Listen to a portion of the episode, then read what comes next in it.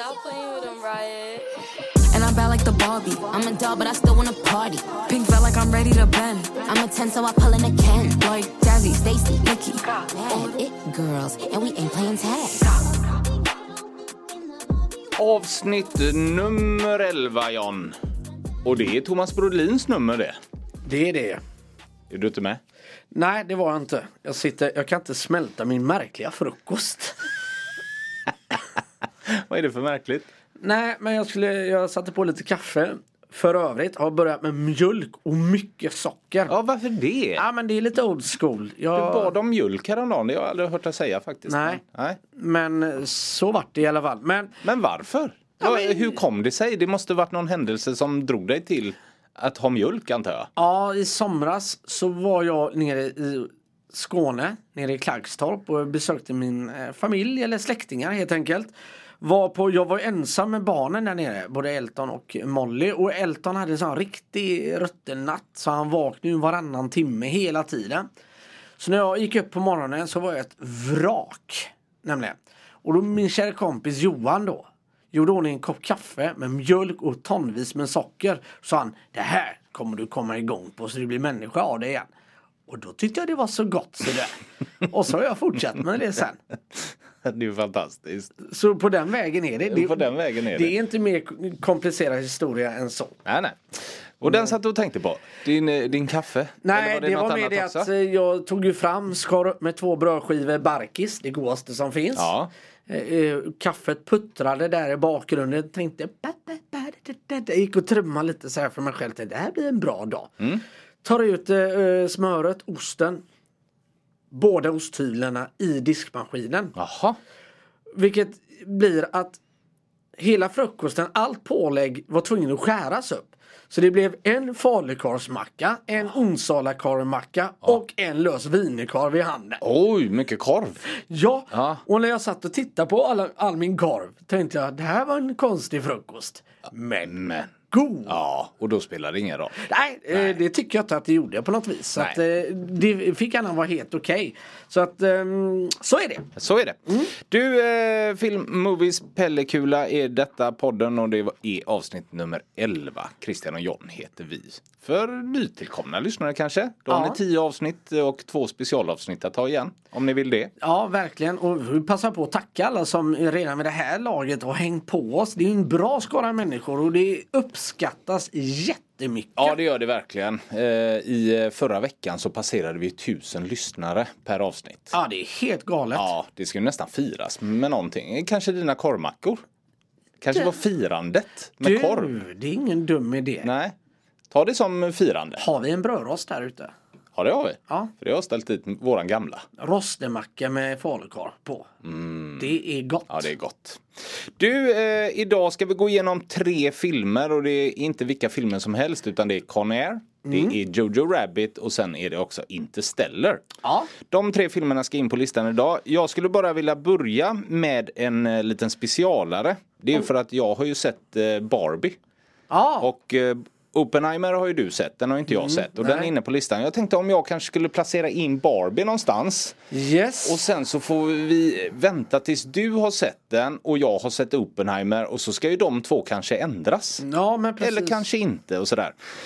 Eh, jag har ju sagt till dig innan, du var ju och såg eh, Oppenheimer nästan på premiären va? Ja, det är en vecka senare. Ja, en vecka senare i alla fall. Men då hade vi ett specialavsnitt om det och eh, du var ju, älskade ju filmen. Ja. Du tycker den är fantastisk. Ja, eh, Christopher ju. Nolans film där. Eh, men jag har ju hela tiden tänkt att jag tror att, bar- att jag uppskattar Barbie mer Mm. på något vänster. Och nu fick jag, jag sett den då och eh, jag gick ju in med tomt blad. Jag hade ingen aning om vad det var. Jag visste inte vad det var jag skulle få se. Ja, men framförallt så kanske du inte hade några förväntningar heller. Den är ju nästan större den grejen. Ja, förväntningarna kom ju egentligen från att den har slagit varenda rekord. Det är ju den eh, film från Warner Brothers som har s- ja, inkasserat mest pengar. Den gick förbi Dark Knight och de andra filmerna så att säga. Och eh, jag har inte riktigt fattat grejen för vad det är. För jag har ju förstått att det är ju ingen barnfilm, för det är det ju inte. Nej, verkligen inte. Utan det är ju en satirhumor film med ett starkt budskap som gömmer sig bakom Barbie. Ja, kan man väl säga. okej. Margaret Robbie spelar Barbie i alla fall. Fantastisk. Fan vad bra hon är i den här filmen.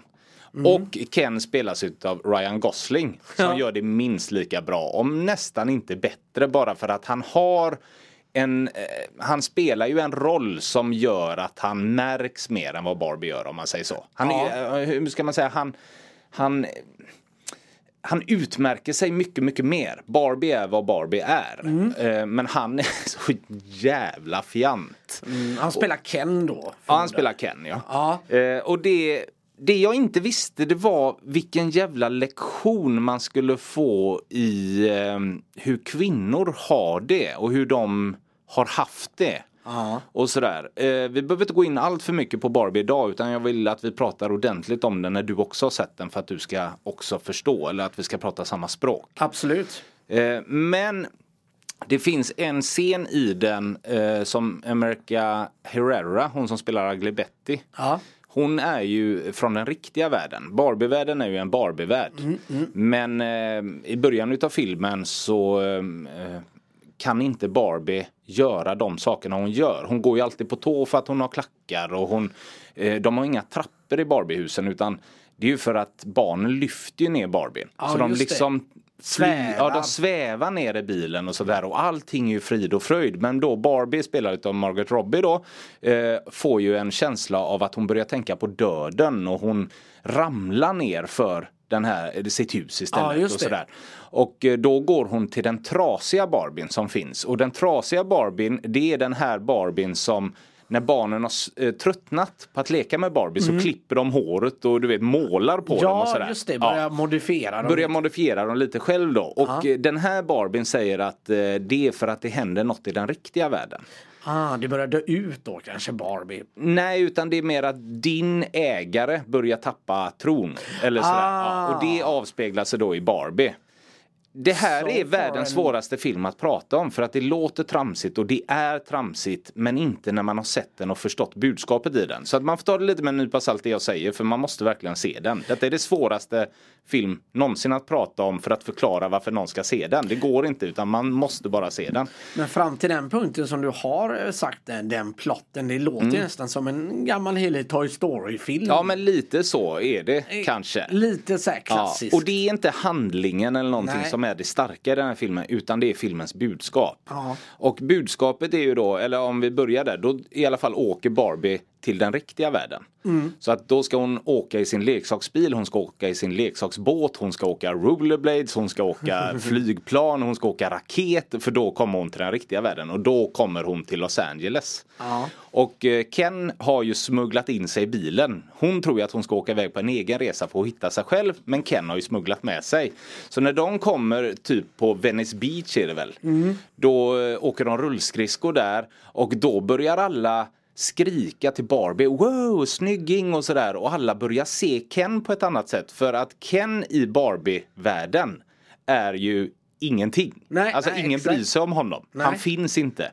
Eh, Medan Barbie är den stora drottningen och alla vet vem hon är. Mm. Eh, så att säga. Och i den här Barbie-världen där är alla Barbie. Det är eh, vanliga Barbie, det är president-Barbie, det är kock-Barbie. Det är, ja, det är så här. Mm, Men här när de kommer till den riktiga världen så börjar de märka att vad fan, Ken är ju den alla bryr sig om. De gör det så löjligt i en scen som blir så stark för Ken. Det är att en går fram till honom och frågar vad klockan är. Och han blir så här, frågade du mig vad klockan är? När Barbie står bredvid här. Nej, nej, då är han just själv. Ja, okej. Men han tar till sig det så mycket och blir så här. Hon såg mig. Hon trodde att jag visste vad klockan var. Detta är ju helt otroligt. Ja. Så här. Jag kan också. Så att han Ken får för, eller han blir så imponerad av patriarkatet. så, och att män och hästar styr den riktiga världen. Jaha. Och där gör man det ju förlöjligar man det då. Så, Ja, att säga. såklart. så att han åker tillbaka innan Barbie till Barbie-världen och Mm. ändrar allting. Så sen när Barbie kommer tillbaka då är det en mansvärld där istället. Som styrs av män och hästar. och detta blir då hela plotten att man har liksom vänt på det. Ken är ehm, han framställs som kvinnor framställs. Ja. Mm, På film och i världen. Om man I säger så. Barbie-världen så att säga. Ja precis. Och där har man vänt på den grejen då. Och sen så vänder han liksom tillbaka till det fast det blir bara tramsigt. Så att ja, bla bla bla. Det är ju en film som också tydligen har gjort att många har eh, skilt sig eller lämnat sig. För att det ställer så mycket frågor mellan kvinnor, eh, kvinnor och män. Ah. Och att de då börjar diskutera allt det här. Och kvinnor kan säga, fast det här, så här har jag alltid mått eller känt eller sådär. Medan män är såhär, fy fan vad tuntigt. Ja. Bla bla bla. Men eh, återigen till det här America Herrera då, hon som spelar Ugly Betty. Hon har ett tal på tre minuter. Där hon beskriver hur tjejer har det. Gentemot killar och tjejer. Även hur tjejer behandlar andra tjejer. Hur man ska vara snygg, uppiffad och ordninggjord. Men inte för snygg. Piffad och ordninggjord. För då är det någon som stör sig på dig. Du ska vara trevlig men du ska inte flirta allt för mycket. Nej. Du ska ställa krav men inte för stora krav. Ja, du vet, massa så i tre minuter. Och det är, en, det är något av de starkaste tre minuter jag har sett i hela mitt liv. Okej. Så jag sa till min sambo, eh, eh, jag har ju fattat men nu bara, fan vad hon satte ord på det. Och då sa hon, ja men det, det var det något speciellt. Så här har ju vi vetat jämt liksom. Ja. Och det, nu låter jag dum i huvudet, det är inte det jag menar. Jag fattar också den grejen. Men det blev så starkt just i filmen när de sa det där och då. Det blir lite tydligt också. Det känns ju som man har gjort den filmen för killar. Ja, lite så. ja men så är det liksom. Om nu tjejer reagerar på det här viset så är det ju lite gamla nyheter hela Barbie. Mm. Men att det ska vara en liten wake-up call till resten så att säga. Ja. Och man måste kunna ta till sig det. För Ja. att det var många lägen som man sitter och skrattar och säger fan vad tuntiga killar är. Fan vad tuntiga vi är. Mm. Och sådär. Och det kommer vi gå in på lite sen. Jag, ska, jag har en grej om det. Som förklarar när vi ska prata Con Air sen tänkte jag. Men jag vill ändå in Barbie på Ja. listan. Sen så vill jag ta upp den när du också har sett den så att du förstår hur jag pratar så att vi kan prata samma språk. För att den är svår att diskutera själv eller bara nämna själv. Ja. Eh, sett till film så tycker jag inte att den är bra. Eller den var inte jättebra. Den, det var ingenting så. Men sett till budskap så är det ju 11 av 10. Ja, okej. Och det är det starka i filmen. Så att eh, Men då får man väl kanske luta sig lite mot det för det är nog där man egentligen vill nå fram också Ja. med sin film. det är det som är meningen med filmen. Men Precis. bara så att man fattar det att som film så tyckte jag väl att den var si sådär. Men det är inte det som spelar någon roll här utan det är något helt annat och något mycket, mycket viktigare. Liksom. det, det är intressant att du tar då just vill prata om Barbie. Framförallt för att du har sett den då. Men också att det är en satir på en viktig fråga. Ja, ja, jätteviktigt. Eh, för det är ju lite vad vi ska prata om senare, Jojo Rabbit. Mm. Eh, fast ja, Nej men så att jag vill, jag vill ha in den, vi, bör, vi kan släppa det lite där för jag vill att vi återkommer till det. Okej, mm, men jag skulle nog eh, bara så här eh, rakt upp och ner vilja lägga den direkt efter Truman Show på tionde plats så att vi petar bort lite Top Gun Maverick. Mm. Eh, för som sagt, jag tycker Top Gun Maverick är en bättre film men absolut inte, alltså sett till budskap så är Barbie så jävla mycket viktigare. ja men då slänger jag in den här. Från Mm. Barbie från 2023 här. Så den går in på topp 10 där och så får du se den och så tar vi en Ja. ny diskussion eh, till om det tänker jag. Du, ska vi eh, gå in på det vi egentligen skulle gått in på? Jag tänkte att det här med Barbie skulle vara avklarat på två minuter men det var det inte. Nej. Utan det gick lite längre. Men vi tar Con Air här alldeles, alldeles strax.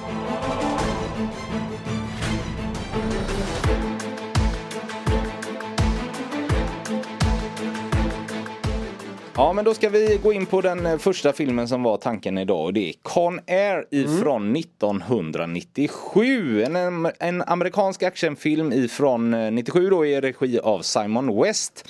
Cameron Poe är en välmeriterad soldat från US Army Ranger som blir dömd för dråp då han skyddar sin fru i ett barslagsmål. Efter åtta år i fängelse blir han villkorligt frigiven. Han sätts på ett plan med USAs farligaste fångar som ska föras till ett nytt supersäkert fängelse med det spe- specialbyggda transportflyget som har smeknamnet Con Air. Plötsligt blir han indragen i ett kapadrama där vakter tas som gisslan under ledning av mästerskurken Cyrus the Virus. Alltså, det är Hollywood-plott deluxe kan man ju säga. Eller action Hollywood-plott direkt.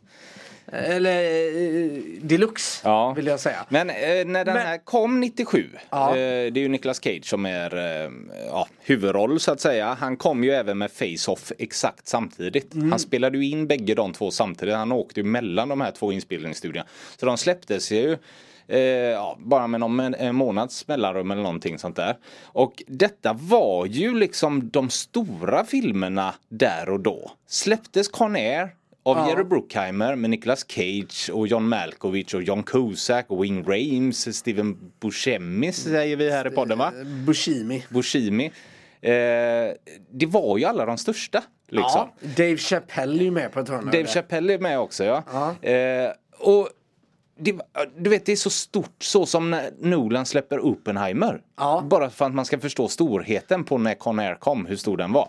Ja, Bruckheimer har ju då också haft eh, Armageddon i de här eh, vevan också. Ja, precis. Eh, så att det jag har minne av den är att det var en av de svagare filmerna som kom där och då. Om man jämför The Rock, man, Armageddon, Face-Off och alla de här Ja, det filmerna var det. som kom i samma veva så var Con Air den kanske svagaste.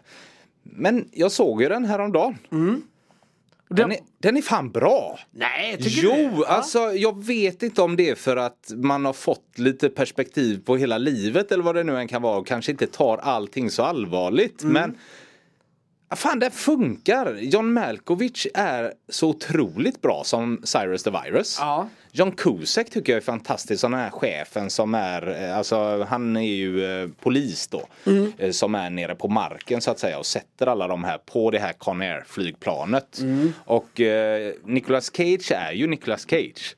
Han är jädrigt Cage med långt hår. Han är det, jävligt det är man svag för. Och biffig och har vitt linne och är superhjälten här på planet. ja, och För kan det det han- sparka rakt upp. Det gillar jag. Ja, för han, det handlar om att han då, eh, han kommer ju hem från armén och Ja. ska träffa sin eh, flickvän, fru, Ja. Mm. som är gravid på en pub som hon jobbar på. Och eh, han kommer ju dit och de står och dansar och då kommer så här stammisar på den här baren och säger Mm. dansa med oss istället. Wow, wow, wow. Och han bara Stör sig lite också på Nicolas Cage för att han är ifrån armén. Ja men också för att eh, hon är den snygga tjejen Ja, och blonda tjejen som de liksom har pratat med och flörtat med kanske för att hon var en bartender och de tyckte att hon var deras på något vänster. Och eh, när han, han brinner ju till med en gång Nicolas Cage och hon eh, då frun säger ju eh, inte nu. Nu blev du sån igen, lugna dig ungefär. Ja. Så han är ju lugn och städad och säger vi vill bara dansa idag, låt oss vara. Men när de går därifrån då kommer ju de här tre männen. Ja. Och någonting som är så Con Airigt och Jerry Bruckheimerigt det är att där de, där de kommer, det börjar ösregna och bakom dem står en sån där du vet som man pumpar olja med. Ja, så de är ju mitt det. ute på vischan någonstans och så Ja. blir det så amerikanskt Hollywoodigt hela det här slagsmålet som blir då. Ja. Och Nicolas Cage slår ju ner alla, han är ju militär, han är ju grym Mm, på att slåss men det som händer är att han liksom drar en handflata upp, en uppercut fast handflata istället och träffar en på näsan så att han dör. Ja, exakt. Och eh, han får då träffa en advokat som säger erkänn det så är du ute på ett år. För Ja. att det var ju ja, självförsvar och hela grejen.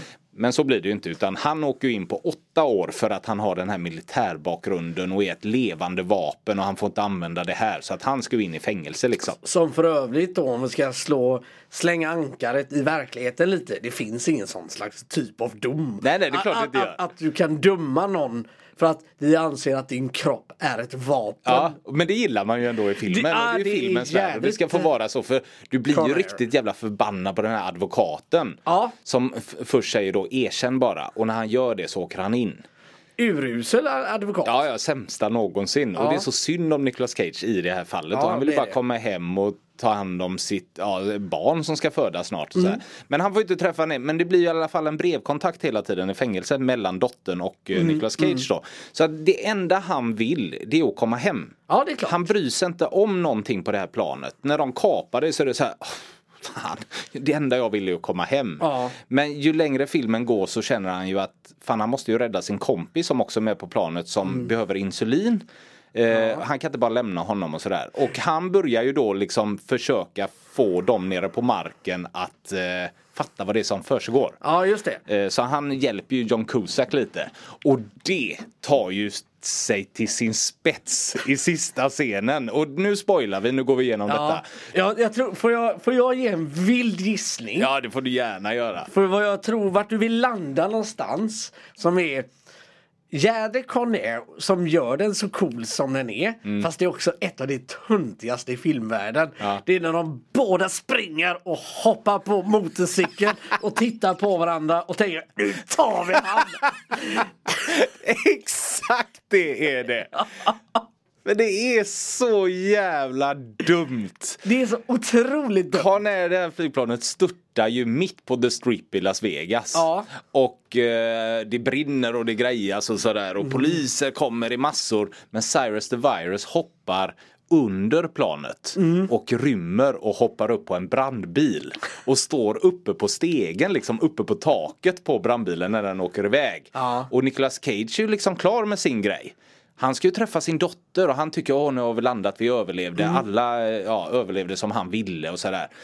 Men han ser, när han ser Cyrus the Virus där så känner han bara, jag är inte klar. Så att han springer iväg till en eh, MC, eller en polis-MC. Och precis då kommer John Cusack som också har sett då Cyrus the Virus stå på taket. Och bägge hoppar på, precis som du sa, tittar på varandra och sen kör och samarbetar för att ta Cyrus the Virus. Och det är så jävla 10 plus. Nu måste man komma ihåg också kan jag tycka att det känns jävligt cheesy och alltihopa men det är ju den här typen av filmer man måste liksom Mm. hoppa in i denna världen för att kunna uppskatta detta. Precis. Och alltså kan man inte det då får man eh, skylla sig själv helt Ja. enkelt för man måste vara i detta för att uppskatta det på det här viset. Ja, för om För man... du, hade, du, hade kunnat, du hade aldrig kunnat skriva något sånt 2023 idag. Nej. Den hade, ha- den hade hamnat under Sharknado. Ja. Men man måste... Man på måste gå in i det här är det modet. så. För att, eh, och det är så här, vi ska eh, sen också prata eh, Jojo Rabbit och Interstellar. Och eh, de filmerna spelar ju lite mer i samma division om man Ja. säger så. Alltså det är på riktigt. Det här är film, Hollywood, Jerry Bruckheimer. Och då får man uppskatta det för de här grejerna. Så när de tittar på varandra på mo- motorcykeln där. Det är ju liksom en fånge som har mördat och en polis som Ja. börjar samarbeta. Och bara det är magiskt. Ja det är det faktiskt. Ja. Det finns någonting gott i allt detta. Jo men hela den scenen är ju helt otrolig. John Cusack hoppar på den här brandbilen. Ja. Och den kör ju bara. Han, han eh, Swamp Thing som han heter då som också har kört hela Conair-planet sen. Ja. Eh, han fortsätter ju bara köra. Varpå John Cusack tar en, eh, en sån här brandyxa och hugger hål i taket med den. Och sen tar alltså vattenslangen och sticker ner den i taket så att det du vet, åker upp vatten så att han inte kan köra längre så att allting kraschar. Ja, det är så jävla bra. alltså, ja, det, är finns så ju- jävla starkt. Ja det finns ju några minnesvärda scener som är jädrigt men jag, ska, jag, jag vill påstå den andra halvan av 90-talets actionfilmer. Mm. Som är så signitiv för detta och det är ju framförallt det här urläckra korvetten som Ja. fastnar i vajern med planet. Ja. Släpas med. Ja, och då ser ju Nicolas Cage och hans två kompisar det och den hänger liksom bakom planet. Ja. Och då säger Nicolas Cage det här förvånar mig inte alls med tanke på den här dagen. Det gillar man ju också. Ja. Att de var en bil hängandes efter planet helt plötsligt. Det är något som jag tog med mig från den här filmen när jag såg den och det, det, jag såg den inte 97 första gången, det vet jag men säg att det var typ 2000 något sånt där. Av någon anledning så tog jag med mig den här scenen när man när Nicolas Cage då ska få kontakt med John Cusack för första gången. När han skriver ett meddelande på magen på en av de här fångarna. David Chappelles eh, döda kropp. Är det? Är det, det nej, David Chappelle land, eh, Nej, det är hans döda kropp. Okej. För att han... eh, fastnar väl i däcket där. Precis, och han har då innan när de mellanlandar på ett ställe Ja. så har han satt den här svarta lådan eller den här, eh, vad säger man, boxen så att man ser vart de är. Den har ju han satt på ett pensionärsflyg som ska flyga till Arizona Det är typ. också så jädra sån typ av film. Ja, Och då eh, måste de eh, flyga för polisen har fattat att de har ju kapat planet. Ja. Så de måste dra och då hinner inte David Chappelle tillbaka till planet. Nej. Men på något vänster så har han hoppat in i julhuset. Ja, men han har ju just det. dött där nere. Så när Wing Rames och eh, Nicolas Cage går ner för att leta i lasten. Eller de får inte upp däcket så att säga. Ja. Och då är det då, och då skriver han ett meddelande att de ska landa på en viss flygplats. Ja, Ja, så är det. Just det, så det stämmer det. Men det, det, det är ju starka scener. Ja det är klart, för Det- den åker ju rätt ner på ett pensionärspar som sitter och kör i någon korsning eh, typ i New York eller någonting Ja. sånt där. Eller det måste ju vara närmare Arizona såklart, men uh, någonstans där. Eh, och eh, då har han ju skrivit meddelandet på hans vita tröja att de ska till det här och sådär. Eh, vet du vilka som var tänkt att spela då Cameron Poe, Nicolas Cage ro- roll om inte han fick den? Eh, nej, det pass. Man gillar ju ändå det här. Det är Bruce Willis. Ah. Det är Arnold Schwarzenegger. Det är Keanu Reeves eller Patrick Swayze. Var tilltänkta till rollen innan Nicolas Cage tackade ja. Ah, okej. Ja, det, men det, det var känns... väl tur ändå att det blev Nicolas Cage tycker jag. Av dessa, Keanu Reeves kanske hade löst det. Men han är inte lika lökig som Nicolas Cage. Nej, han, nej det, det tycker jag nog var ett av de sämsta valen hade det varit för dem. Jaha. Det tror jag. Ja, kanske. Ja. Eh, John Cusack och Malkovich, vad tror du om de tycker om den här filmen? Uh, Malkovich eh, kan jag inte svara på men jag vet däremot eh, och läste också Mm. att John Cusack vad jag förstod det som hatar ju denna filmen. Jag vet inte ens om man har sett den än själv. Nej, det är nästan så. Båda två hatar den i alla fall. Ja. Eh, De tycker att slutprodukten blev otroligt dålig och enligt uppgift då ska de vara väldigt irriterade över filmen och Jan Malkovich eh, ska vara väldigt irriterad på hans karaktär. Ja. Och det köper inte jag alls för jag tycker han är fantastisk i den här filmen.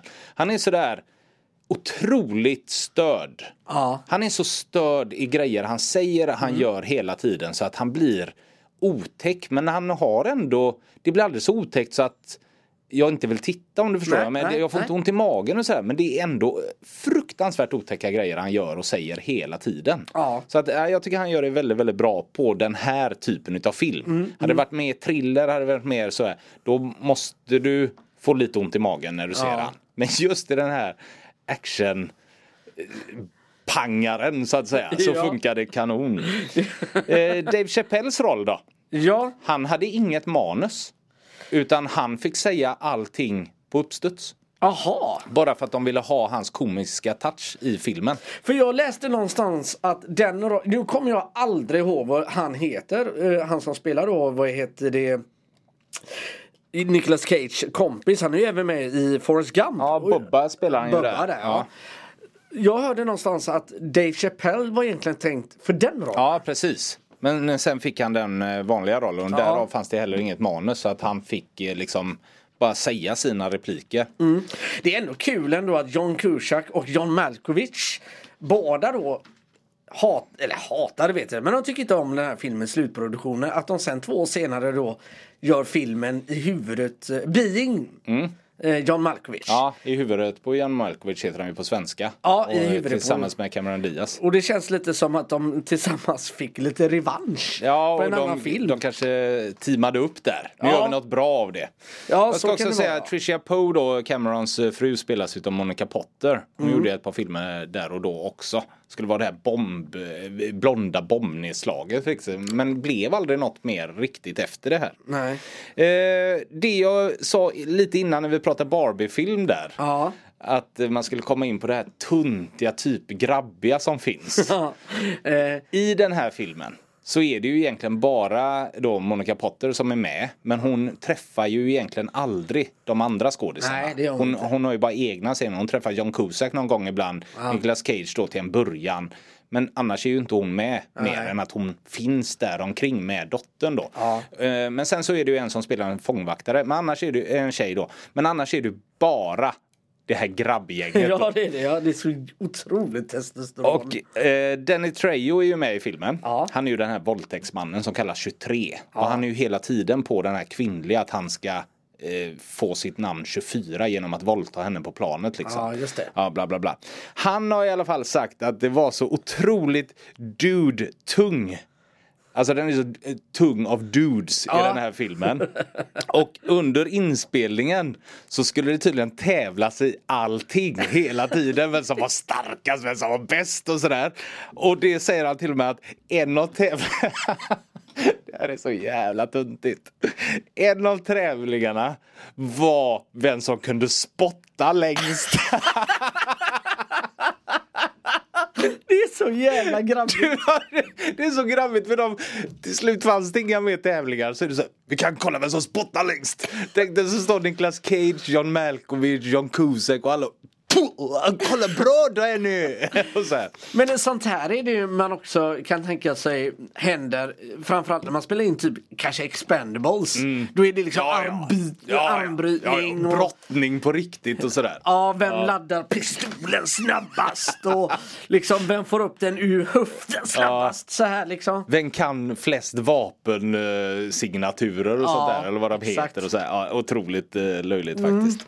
Men eh, Conair då ska in på listan. Den var även nominerad för två Oscars och det var bästa ljud. Ja, okej. Och sen även bästa musik och det är ju Diane Warrens How Do I Live som är både i början och i slutet utav filmen. Ja, Får jag bara eh, avsluta den här grabbigheten gärna. och det här 90-tals action. Det finns en scen och det kan jag säga att det har man inte gjort än idag. Varit så jädra cool som man gör här. Och det är ju mot slutet, eller när han verkligen går loss då, Nicolas Cage. Nu glömmer jag allt av vad han heter. Cameron Poe. Cameron Poe. Han ska slå sig fram till cockpiten. Och så tar gubbe för gubbe. Ja. Och sen går han och så kommer en kille och så skjuter han i armen och han rör sig inte. Han bara fortsätter. Han och bara fortsätter gå. Pa, pa, pa, Ja. Alltså det, Han bara fortsätter gå liksom. det Han- är ett av det coolaste jag har sett. Ja, men där har jag en berserker mood. Han bara kör. Ja, exakt. För att han ska ju upp till eh, cockpiten för eh, de har ju två helikoptrar Ja. efter planet. Just det. Och eh, han måste säga att vi kommer landa, skjut inte ner oss för då dör ju alla. Ja. Vi kommer landa. Eh, Men det vill ju inte de säga skurkarna så att Nej, säga. Swamp Thing och Cyrus the Virus. Så han måste ju fram till cockpit, få prata med John Cusack och säga skjut, oss, skjut inte ner oss med missiler liksom. Då Ja. kan jag lova dig, då är det ingen som eh, faller för ett skott i armen. Nej, nej, nej, då går man bara. Då går man. Ja, den är tuff där. Ja, det är det. Den ska in på listan i alla fall. Yes. Eh, från 1997. Ja, och eh, jag blickar ju bakåt såklart. Ja. Eh, uppåt på listan. Men jag tänker neråt på listan är det då. Det här har vi försökt att gå ner eh, igenom flera gånger. Eh, en dålig placering är långt ner på listan och en bra placering är högt upp på Du listan. kan sitta där och vara hur tyken som eh, helst om det här John. Ja. Men när jag sitter med redigeringen så hör jag att du säger fel precis lika ofta som Nej, jag med det. jag inte. Jag kan klippa ut alla från alla våra t- 12 avsnitt så ska du få höra också. Ja, men tänk Ja. hela tiden eh, fotbollstabell. Ja. Så nu blickar vi neråt på listan. Ja. Ja, det var ju det jag sa. Ja, det gjorde det. Ja. ja då hörde jag fel Ja. denna gången. Ja. Och ber om ursäkt. Ja. Jag ser till att du får extra god kopp kaffe sen.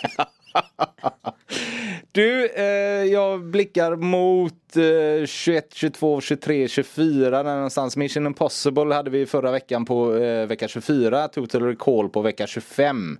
Och jag skulle nog... Vecka? Vecka, säger jag det? Ja, det är sant. jag är inne i Ja, ja. veck- Plats. vecksnacket. Plats. Jag skulle vilja lägga den där, faktiskt. Eh, jag vill in eh, mellan American Beauty och Mission Impossible. Så plats nummer eh, då 24 till 25, där vill jag in den. Då smackar vi in den där. Men håller du med mig så bara? Inte för fem öre. Nej men säg vad du ska Ja ha in men det här då. är ju lite din film Nej känner men det är jag. det inte alls, det är våran lista. Kör nu, Var- vart hade du velat ha in den? Ja, ja, det är inte långt ifrån där du är men jag tycker verkligen inte den är bättre än Mission Impossible och Total Recall. Alltså du vill ha in den där på plats nummer 27 blir det då eller? Ja, 28 där, Flugornas herre. Mellan eh, Total Recall och eh, Flugornas herre. Ja precis. Där tycker jag den hade passat bättre. Eh, på något vis. Men eh, Det skulle vara att Mission Impossible 3 är faktiskt jävligt okej. Den kan jag kanske hålla med om att den är bättre än Conair. Men ettan och tvåan är det inte. Men det är ju också det som gör det så svårt. Så där får man ju ta hela franchisen. Total Recall som sagt som jag sa förra veckan. Det är för länge sedan jag såg den. Ska vi lägga den däremellan? Men jag skulle nog tro att jag hade tyckt att Conair är bättre än Total Recall. Ja. Men du brinner ju lite för Total Recall. Så vill du ha den efter det så är det helt okej för mig med. Så att välj du antingen innan eller efter Total Recall då. Ja, jag älskar Total Recall. Den är en sån jädra rulle för mig. Ja, det är då det. tar vi den efter det. Ja. Så känns det ju bra. Ja, men snyggt. Ja, men det är en väldigt värdig placering. Tycker jag.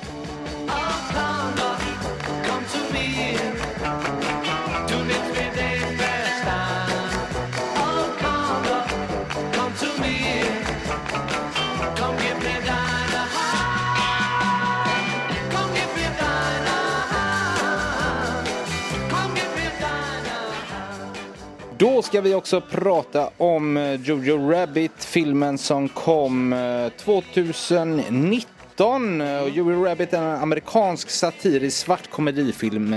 Filmen är regisserad av Taiki Waititi som även skrivit manus och är baserad på novellen Caging Skies.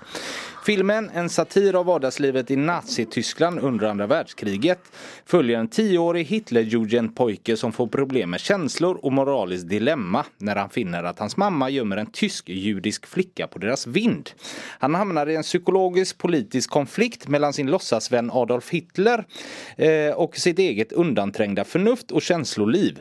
Sakta börjar han konfrontera sina fördomar och idéer som han har vuxit upp med under nazistpartiet. Ja. Och när man läser den eh, sammanfattningen så känns det inte alls som den filmen man har sett. Förstår du vad jag menar? Det här känns så mycket mer. Okej, det står att det är svart satir och allt sånt där. Men det är så mycket mer i den Det här är filmen. otroligt mycket mer är det. Det Jag, ju lugnt sk- säga. jag skulle vilja, bara för att folk ska veta vart jag drar hem Mm. nu. Denna kom 2019. Jag skulle nog nästan kunna säga att det är den bästa film som har släppts de senaste fem åren. Ja, jag, jag förstår dig. Fakt ja, Så vet man vart jag står. jag förstår dig. Håller inte med dig. Nej. Men absolut en toppenrulle. Mm. Och den har Men sen är det också, det ska, du och jag har ju väldigt likadan humor. Mm. Och likväl som satiren och förlöjligandet och allt detta är helt genialiskt skrivet så är dialogen är så magisk. Ja. Och det finns så mycket humor i varenda mening och i, nästan i uttrycken hos skådespelaren och alltihopa. Det är... Ja, jag tycker dialogen är snatchklass på det. Ja, det är det. det Och- I love it Och det alltså. jag tycker så mycket om med den här filmen också det är att, eh, jag har berättat det för dig när jag såg White Lotus. Det Mm. är att castingen i White Lotus du kan inte byta ut en skådis där och det hade blivit bättre. Nej. Alla är som klippt och skurna för den de spelar. Exakt så tycker jag med Jojo Rabbit med. Mm. Ja, Jag ser verkligen. inte en annan skådis någonstans Nej. som hade gjort det bättre än vad de här gör. Så att bara det är 10 plus. Vi har Roman Griffin Davis som spelar Jojo. Ja. Totalt okänd för mig. Ja. Eh, och det är ju jättebra. Jag hade inte velat ha någon som jag hade sett innan som spelar Jojo. Scarlett Johansson spelar Rosie som är Jojos mamma. Hur bra är inte hon? Alltså hon är så jäkla bra och jag kan inte se någon annan. Alltså det hon gör bra. Jag har aldrig sett så stark kvinna. Nej. Mm. Hon är så fruktansvärt stark i den rollen. Alltså i rollen hon gör men också i den situationen som hon är. Där hon är ensamstående med sin pojk i Nazityskland. Och hon är ju en motståndare mot kriget. Så Ja. att hon gömmer ju en judisk eh, flicka som är... För så här är det, Jojo har haft en stora syster som har dött. Ja. Som var bästa kompis med den här ju, judiska flickan som då Scarlett Johansson, mamman Rosie, gömmer uppe på vinden. Ja. Men hon har ju inte kunnat säga någonting till Jojo för han är ju så jävla nazistisk. Super- Alltså han är det mest ja. nazistiska som finns enligt han själv. Fast detta är en svart satir så att han är ju världens charmigaste. Han säger ju så nazistiska saker men man kan inte ta det på allvar för att han är bara han är bara ett litet barn ungefär. Ja. Och de gör det charmigt. Filmen börjar ju till exempel att han ska iväg på ett nazistläger och säger till sin oerhört eh, underbara vän. Yorkie. Yorkie som är liten, eh, lite mullig med glasögon och krulligt hår och är ännu gulligare än Jojo. Alltså de är så gulliga så att eh, det är svårt att inte vilja krama dem när man ser dem. Då säger han det här kommer bli den bästa veckan i våra liv. Och då ska de iväg på ett nazi, eh, na- nazistläger liksom. Och där är ju ledaren över det här nazistlägret. Och det kan man jämföra med att ungefär som att åka på ett scoutläger eller Ja, något exakt. annat. Ja du vet det är samma eh, typ utav känsla eller vad ska man säga. Ja, i- på det här lägret. Och ledaren där då spelas utav eh, Sam Rockwell. Ja. Så, som är så jävla rolig. Till exempel börjar det med att han förklarar varför han inte får vara ute i krig. För det vill han ju. Det är ju Ja. det viktigaste av allt. Är man nazist ska man vara ute och kriga. Men han har ju pajat ögat så att han får inte vara det. Men han är jävligt besviken. Och då säger han till eh, den här som har bestämt att han inte får vara med, hans ja, chef eller fyrer eller vad man nu säger att kan man skjuta om, eller kan man, eh, kan man skjuta så här om man inte kan vara ute i krig eller någonting så han börjar ju med att låtsas skjuta och du vet skjuter med ett gevär under benen och ja. du Ja. vet löjlar sig som fan.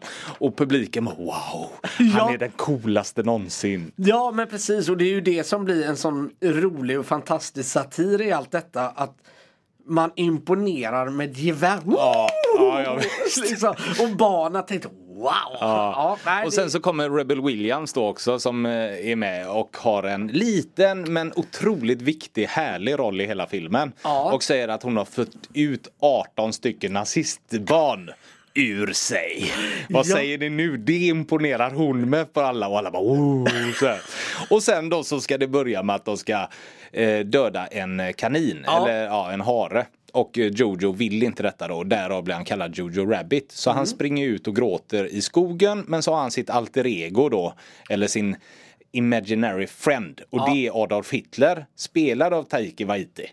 Som, som är hela filmens behållning. Det är så roligt så att, alltså det är så bra. Det är fantastiskt bra är det. Ja. Och, eh, och bara, men bara det också speglar ju Jojo Rabbit eh, och den här satiren. Det är att tänk att Jojo Rabbits bästa fantasikompis är Hitler, Hitler, själv. ja. Och det säger ju en del om då vad man, liksom hur långt insyltad man är i detta och vilken gud Hitler är för det här gänget. precis, men han är rent trams den här Ja, Hitler. ja, ja, ja, visst.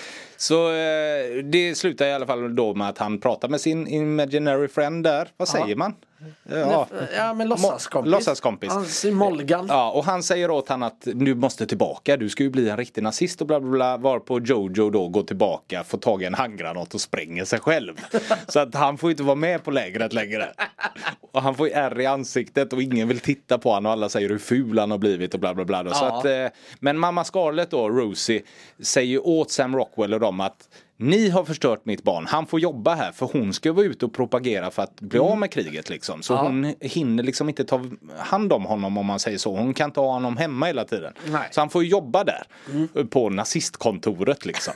och det är väl det som är eh, filmen kan man väl säga i stort. Tills då Jojo hittar den här judiska flickan uppe på vinden för då Ja. börjar ju deras samspel. Ja precis. Och han börjar intervjua henne och sådär. Får jag göra ett inflik där då just den här scenen när hon kommer med Jojo eh, Rosie då upp till det här kontoret.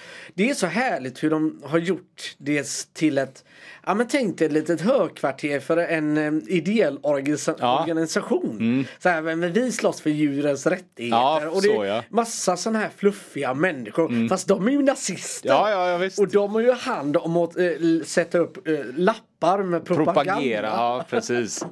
Och det är sånt där som mellanmjölkgäng. Det finns ju en scen där han ska gå utklädd som en robot. för att propagera. Ja, de behöver ju metall. Ja. Metall vill- till fyren. Ja, de vill att man lämnar in metall så då har de klätt ut att det är en robot som man får gå runt på gatorna och samla in. Ja, bla bla bla. Men eh, vi kommer väl spoila lite nu. Det har ju också en av de känsligaste scener som jag har sett på film på många, många år. Ja. Och eh, det är ju faktiskt att eh, mamman blir ju hängd. Ja. Och eh, Jojo ser ju detta då på eh, torget är det ju, de hänger de här. Och han går ju bara förbi och ser att det är hans mamma. Ja. Och det är ett av de känsligaste scener jag har sett i hela mitt liv tror jag. Det, det är så fruktansvärt starkt. Ja det är det. Alltså själva grejen i sig är fruktansvärt stark. Men ska vi bryta ner det lite i molekyler i ren nördighet. Så har jag nog faktiskt aldrig fått mattan dragen under mig så hårt som Nej. jag fick i den scenen. För man gör det på ett sånt snyggt sätt och visar vad som har hänt på ett sånt starkt sätt. Och det förstår man först. För man gör väldigt mycket närbilder på Roses fötter hela tiden. Eller hennes skor. Mm. Ja, det, ja de ska ju knyta dans. skor fram och tillbaka och sådär. Och, ja, och dans och så ja. Och eh, det, det har ju en mening, det vet man ju inte då, men det Nej. finns en mening med allt detta. Och det förstår man ju då först när Jojo får syn på sin mamma. För han jagar en liten fjäril, tittar upp, får syn på två skor som hänger. Och man ser hans blick direkt att de här skorna, de känner jag igen. Mm. Tittar upp, ser att det är mamman. Och jag tror nog aldrig att jag fått en sån jädra spark i magen. Nej. Mm. Som jag fick då. Det var ett av de För vi ser ju aldrig att det är Scarlett Johansson. Nej. Vi ser bara skorna och man fattar det så att säga. Ja, det, är, det är inga konstigheter. Nej. Men efter han har stått och kramat hennes fötter och sånt där så klipper de ju direkt till och då sitter han i skräddarställning precis under henne och tittar bara på henne. Mm. Och det är så starkt för att fram till dess är allting så roligt. Ja. Det är så fjantigt roligt med den här Hitler som Mm. springer runt och är Det finns till exempel en scen när Jojo då börjar prata med den här judiska flickan så Mm. är han ju där uppe och pratar hela tiden med henne. Och då eh, kommer det till en scen när han går in på sitt rum och då, då har Hitler då bäddat ner sig i Jojos säng och frågar Du är väldigt mycket uppe hos den där judiska kvinnan. Han är lite avundsjuk. Så den humorn finns. Ja. Och sen så kommer den här scenen som är så sjukt jävla stark. Ja. Och sen så efter det övergår ju den till det ro eh, roliga igen. Den, den vänder ju så här fort igen Ja. och så är de tillbaka i den här humoristiska, fjantiga satiren. Och det är så jävla världsklass. Ja, och där vet jag att du och jag gick isär för att jag förstår att man behöver ha en mörk del. Eller förstår, man måste inte alltid ha en mörk del. Men ofta så har ju en film det. Det, jag, det som slog mig är att man gick så jävla långt ner. Vet du vad jag har läst Alltså, efteråt? Sjukt långt ner. Ja, vet du vad jag har läst efteråt? Nej. Som också eh, ja, in, det ostärker det du säger egentligen. Ja. Men jag håller med dig i det. Ja. Det är att den, eh, den folk har blivit besvikna för att den är inte svart nog. Jaha. Man har inte gjort det för mörkt. Utan det är bara den grejen. Ska det vara satir och svart satir och det ska vara Nazityskland och hela den grejen. Ja. Då skulle man gjort det ännu mörkare. För att ha den blandningen mellan det mörka. Så detta är det enda man gör. Men jag håller med dig. Ja men fast det- Jojo Rabbit eh, ska ju vara satir men det är också 95% eh, agenda med förlöjligande. Det är ju det det handlar om. Så, Mm. Ja, det. Men just att man då skulle blandat in mer. Mm. Man kanske skulle haft 85 förlöjligande och 15 mörker istället. Här har man 5% mörker. Men det 5 procenten är 1000 procent i känslor. Ja mörker. exakt, man Ja. kompenserar ju upp Ja. otroligt mycket. Istället för, ja. Men Ja för det kan ju låta tragiskt att han spränger sig själv i början men det är ju egentligen bara roligt. Det finns ju också en scen när de ska träna på att kasta kniv precis i början. När Jojos kompis kastar mot ett ett trä och varpå kniven studsar i träet ner i en annan kompis ben. Det är ju tragiskt egentligen men i filmen blir det så sjukt roligt. Ja men det är ju för att de är så dåliga Ja, små nazister. Värdelösa små nazister är det. Ja. Ja. också, eh, jag vill ju bara be- betona en grej som jag tycker de gör så jävla bra i förlöjligandet och eh, barnsligheten hos nazismen och framförallt då Hitler. Det är ju det här sängscenen när han sitter och eh, tycker du är lite mycket med henne. Ja. Och då handlar det inte om att han är arg för att han är med henne för att hon är judisk. Utan det handlar om att Hitler känner sig ensam i deras vänskap. Ja. Och det är det som gör det så roligt. Ja, ja, liksom. visst. han blir avundsjuk för att han har ingen att hänga med. liksom, inte, inte det faktum att hon är, är, är jude. Det är, Ja. liksom, det är inte själva grejen Nej. i det utan det är att han blir av... det är vänskapen det handlar om där. Och det är ju det som gör det så Ja, ja, roligt. han är avundsjuk. Mm, för det är jävligt lätt att hamna i den fällan där han kan lika gärna skriva manuset och säga så här Du kan inte vara med henne för att hon är jude. Men det gör man inte Nej. Mm. utan det handlar bara om deras vänskap och det gör ju det så jävla roligt. Ja, det är helt otroligt faktiskt. Ja. Den var också nominerad för sex stycken Oscars för bästa film, bästa supporting actress för Mm. Scarlett Johansson. Eh, det var adapted screenplay som den även vann eh, Oscar för. Ja. Eh, bästa kostym, bästa eh, filmediting och bästa production design. Men den vann en Oscar då det var för Ja, vad blir det? Film baserad på annan upplaga så att säga. Ja, okej. Mm. Men eh, den här upplagan som den var på, jag sa det förut, den hette Caging Skies. Jag tror bara det är Hela grejen är bara den här hittepå-Hitler som Ja. är med i den och sen så har man skrivit allt annat. Men den vann för det i alla fall. Ja, så att, okej. eh, ja. Mm. Jag tycker väl även Scarlett Johansson eh, ska ha och kanske Taiki Waititi också skulle haft en, eh, en Oscar för den här. Ja, han är suveränt bra i det i alla fall. Han jobbar ju även nu för Disney och han gör ju bland annat Mandalorian nu. Ah. Han som gjort den här filmen. Ja. Eh, någonting som jag bara vill ta upp innan vi ska gå in på betyg. Ja. Är att den börjar ju med Beatles-låten I wanna hold your hand ju. Fast den är sjungd på tyska. Och man har ju klippt in den. Om man ser bilder ifrån Beatles konserter och den här hysterin och sånt som är. Så så får man ju en viss eh, känsla. Ja, så här, Ja. Och så går det en låt och så ser man hysterin, alla skriker. Så har man ju gjort här. I filmen fast det är Nazityskland istället. Som Ja. står på torg och gapar och svartvita bilder och hela den här Ja, grejen. deras rallies så att säga. Ja, precis. sammankomster. Och, Ja. med flaggor. Ja, och- flaggor och det åker bilar och ja, du vet Ja, så här. ja. Och det föddes faktiskt från att Taiki Waititi såg bilder från Beatles-konserter och annat Mm. och kände att fan vad det påminner om Nazityskland från Ja. de bilderna man ser där. De är nästan lika, man kan inte avgöra är det Beatles, är det nazister? Så att säga. Ja, eller dagens Nordkorea. Ja men typ. Och där föddes den idén till att så ska den här filmen börja. Men A och O måste ju vara att få med en Beatles-låt då för annars flyger ju det över huvudet. Ja. Hänger du med? Ja, absolut. och Beatles-låten måste ju vara på tyska Mm. såklart. Så att eh, han kontaktade ju Giacchino som skulle göra filmmusiken som bland annat hade gjort Up innan. Och eh, Ratatouille och många andra filmer. Eh, och eh, den här Giacchino sa nej, det kan vi inte göra. Jag har jobbat med Paul McCartney innan och det, han kommer aldrig gå med på detta. Ja. Men på något vänster så fick Paul McCartney se filmen Ja. och sa ta den, ni får låten av mig. Ja, Så på den vägen var det som snyggt. Beatles kom in med tysk sång till det här. Ja. Jojo Rabbit ska in på listan. Ja. Och jag vet inte, ska du eller jag börja John? Du vet vart jag står i alla fall. Det här är ett mästerverk utan dess like. I min egen IMDB-lista så hade han haft 10 i betyg. Ja. Sen jag såg den första gången. Och- Och jag skulle vilja då um, jag vill ju an- när vi lägger in lis- eh, filmerna på listan så gör ju vi lite annorlunda. Jag börjar ju i botten längst ner för att liksom hela tiden utesluta eh, filmer att den är, den är ju bättre än den och den. och Ja, ja, ja. Och så ser jag hur långt den klättrar och hur långt den orkar helt enkelt. Eh, fi- filmen, hänger du med? ja, absolut. Eh, och du. i, I det här fallet så behöver vi inte gå igenom alla 31 filmer utan jag tycker vi drar oss upp ända mot eh, plats eh, 11, eh, 12, 11 direkt Mm. och börja jämföra där. Känns det okej? Absolut, det gör som du känner för. Ja, och då tänker jag eh, framförallt, nu har jag inte sett Barbie. Men, Nej. så det får ju bli plats 9. Supermycket bättre än Truman Show tycker jag. Mm. Eh, den är bättre än Once upon a time in Hollywood, Gudfadern, Will Hunting.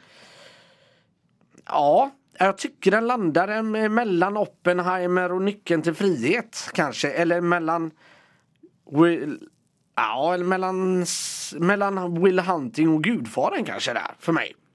På plats eh, eh, sju helt enkelt. Så du tycker Good Will Hunting är bättre än Jojo Rabbit? Ja, det är då? fan med på håret alltså. Är det och Oppenheimer var bättre än Jojo Rabbit? Ja, men Men nu är är, det ju tyvärr så. Det är, ju, det är ju lite det här som är hela IMDB och vår, alltså, alla listers akilleshäl är ju att det är så olika typer av filmer. Mm. Ja. Så det är så svårt att ställa Exakt. dem emot varandra på det viset. Men det är ju tyvärr det vi har framför oss nu så det är ju bara att gilla läget va. Mm. Men jag skulle nog säga att Oppe, jag gillar nog Oppenheimer eh, bättre. Av den enkla anledningen, det är att, inte att det är en bättre rulle för det, är på det viset, men det, den tilltalar mig mer. Om man säger så. Oppenheimer. Ja. Men eh, vad tror du om att lägga den mellan då Oppenheimer och Good Will Hunting? Ja. Jag har ju inte sett Oppenheimer. Nej. Och jag hade velat lägga Jojo Rabbit före Nyckeln till frihet. Så att Ja. jag hade velat ha den strax under Pulp Fiction. Men eh, Oppenheimer har jag ingenting att säga om. Och vill du lägga den mellan Oppenheimer och Good Will Hunting så tycker jag det är jävligt fair. För Ja. oss bägge så att säga. Ja men absolut. Och så får jag ju sen se Oppenheimer och du ska se Barbie och då, de två kan ju liksom flyttas. Ja det kan han göra, Eh, sen. definitivt. Men vi lägger den där så länge då så att eh, Jojo Rabbit in på en sjätte plats Ja. och Good Will Hunting går ner till sjunde plats då. Ja. Det känns ju faktiskt jättebra. Tyckte du det? Ja, det vad tycker jag. roligt, För jag, var lite, för jag vet ju att du brinner för denna filmen. Uh, Ja men alltså vi, vill ha den högre men vi, är ändå hyfsat samma där vi pratade om det för ett tag sedan att humorfilmer, komedier görs inte på samma sätt som det gjordes förr. Nej. Eh, Där kanske Jim Carrey gick i bräschen och gjorde allt. Alltså storfilmer som var humor. Ja. Sen har Will Ferrell och så eh, Adam Sandler gjort lite filmer. Ja, men de har ja. aldrig blivit så stora som Jim Carreys var och sådär. Jojo Rabbit har liksom av svart satir ändå tagit sig in och fått sex eh, Oscarsnomineringar. Ja. Och är något, för mig i alla fall, rätt nyskapande. Jag Ja, har inte sett något liknande innan som har fått mig att skratta och samtidigt vrida sig hela magen av att jag mår så illa när jag ser den. Mm. Och sen sista scenen när de går ut ur huset och en tysk version av David Bowies Hero kommer och Jojo säger vad ska vi göra nu? Och de bara börjar dansa. Ja. Alltså det är sånt fenomenalt slut. För Ja, det det. när sluttexterna rullar så mår man så fruktansvärt bra. Ja det gör man faktiskt och det är, det är en konst att kunna lämna dig med den känslan ändå. På något vis efter eh, det ändå varit en del misär också. Mm. Ja, ja men det är ju det. Och Ja. det är ett världskrig och det är nazister och hela den Ja. grejen. Men ändå har man lyckats skapa humor utav det på ett jävligt eh, imponerande sätt. Skulle Ja. jag säga. Jag är jättenöjd med att den är eh, där. Ja, snyggt. Men strax ska vi gå på ditt skötebarn så att säga. Ja, det ska ska vi till göra. Interstellar.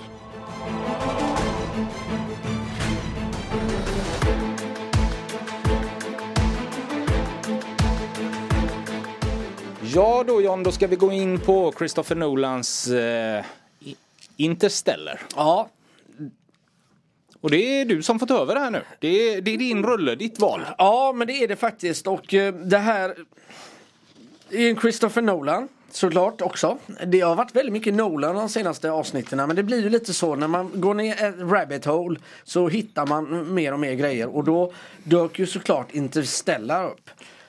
Ja, sen är det inte så konstigt när det är Nej. Christopher Nolan också. Det känns som att allt han gör vid vill man på ett sätt diskutera. Det är inga, det är inga filmer som bara lämnar en... Nej, nej, vad var det här? Nej. Antingen är det som Tenet, Ja. att du kommer inte fatta någonting. Nej. Inception också, så här, vad hände här? Mm. Eller så har du Memento, eller så har du den här Interstellar. Ah, någonting händer i dig vad du än, ja, när du än ser. Mm. Ja, Ta bara exakt. Mm. hans Batman-filmer. Det är ju någonting. Ja, ja liksom. men så är det definitivt. Interstellar då, eh, där vi har både mm, Matthew McConaughey, Michael Caine. Vi har även, vad heter hon? eh. Anne Hathaway. Anne Hathaway som är de tre main characters kan man ju säga. Jag gillar det med Christopher Nolan. Man brukar ju, eller många regissörer, Tarantino eller om det är Steven Spielberg eller något, brukar ju alltid ha någon man liksom lutar sig mot. Ja, Ja. nu fick jag ett manus på min bord, jag ska göra den här filmen. Den skådisen har jag alltid med. Ja. Christopher Nolans sån skådis är ju faktiskt Michael Caine. Och det älskar jag. Ja. Han är ju med i alla hans filmer. Ja det är han faktiskt. Eh, ve- ja, väldigt- Är han med i Oppenheimer? Nej det är han inte. Nej, det är nog nästan den enda. Jag kan ha fel nu. Han är kanske inte med i Memento och så heller. Men annars är han ta mig fan med i varenda film. Ja han är med i väldigt många. Ja. Eh, Interstellar är ju då egentligen en sci-fi såklart. Ja. Sci-fi film eh, som bygger då på egentligen Matthew McConaughey som är en gammal NASA anställd, en astronaut eller framförallt en eh, pilot. Ja. Som eh, gör ett uppdrag, det går lite snett så han, han flyger inte helt enkelt mer utan han då jobbar mer som en eh, bonde helt enkelt och eh, jobbar med majs, tror jag det. Han eh, får ett mystiskt meddelande i bokhyllan i, i sin dotters rum som då visar sig vara koordinater. Beger sig till de här koordinaterna och där träffar han på Anne Hathaway och eh, eh, Michael Caine som är det som finns kvar av NASA. För man ska komma ihåg att det råder då alltså sandstormar, torka och hunger i hela världen. Med detta i, liksom i bakgrund så har man ju då valt ut, vad heter det, Cooper Eh, Amalia som hon heter och eh, två andra eh, NASA-människor. en fysiker och eh, en som är med pilot också. Eller lite sådär. Ja, Cooper är ju Matthew McConaughey. Ja, exakt precis. För att helt enkelt utforska tre stycken planeter var tre andra forskare har hittat och man har skickat tillbaks väldigt bra alltså, resultat och vad man tror är en beboelig planet. Och det är egentligen hela kärnan i filmen. Alltså jorden är på väg att dö. Människan måste hitta någon annanstans att bo.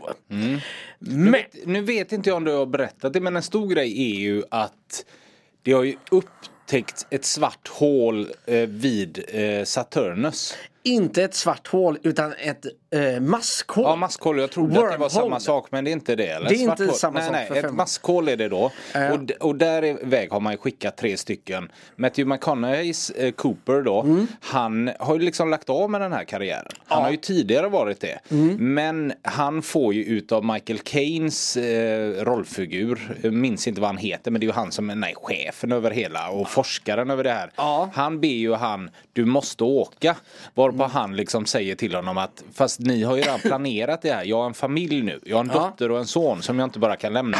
Och då sa han Absolut, vi hade skickat upp innan men det var innan vi visste att du fortfarande levde. Ja. Varpå Matthew McConaughey, Cooper då, han eh, tycker att hans livsverk är att vara uppe i rymden. Mm, ja, eller hans kall i livet. Ja, hans kall i livet är Ja. Mm. att vara där uppe. Så att han bestämmer sig faktiskt för att åka till hans dotters förskräckelse såklart. Ja. Alltså hon är ju så arg, knäckt och förbannad på honom så det finns inte. Ja, hon kan ju liksom inte förstå detta.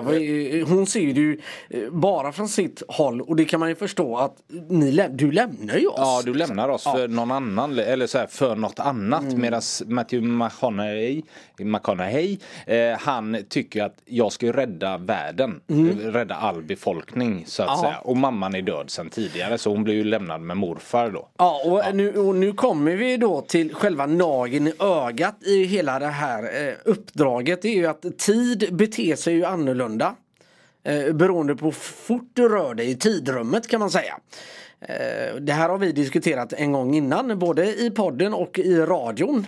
Du och jag, när det gäller eh, tidsresor och alltihopa och sånt. Där jag hävdar ju att du kan ju åka i, framåt i tiden. Det roliga är att jag såg ju klart den här filmen typ i natt. Mm. Jag var ju, den är ju lång, den är ju 2.50 någonstans. Och jag startade den väl lite för sent. eh, Så att, eh, men jag såg klart den i alla fall. Men då slog det i tanken mig när jag ställde frågan till dig. Du fattar väl att, eller du vet ju att det inte finns tidsresor. Mm. Varpå du svarar du kan aldrig resa bakåt. Det som har hänt, det har hänt. Men du Ja. kan resa framåt. Mm. Varpå jag sa det sprängdes min hjärna för att Ja. du berättade att det var svarta hål i hela den här grejen. Man kan se Interstellar så får man all den förklaringen. Precis så som du sa. Mm. För där går allting igenom. De går igenom allting här. Ja. Och jag begrep vad de menar. Mm, för, och sen en annan liksom den här har, filmen har ganska många lager måste man ändå säga.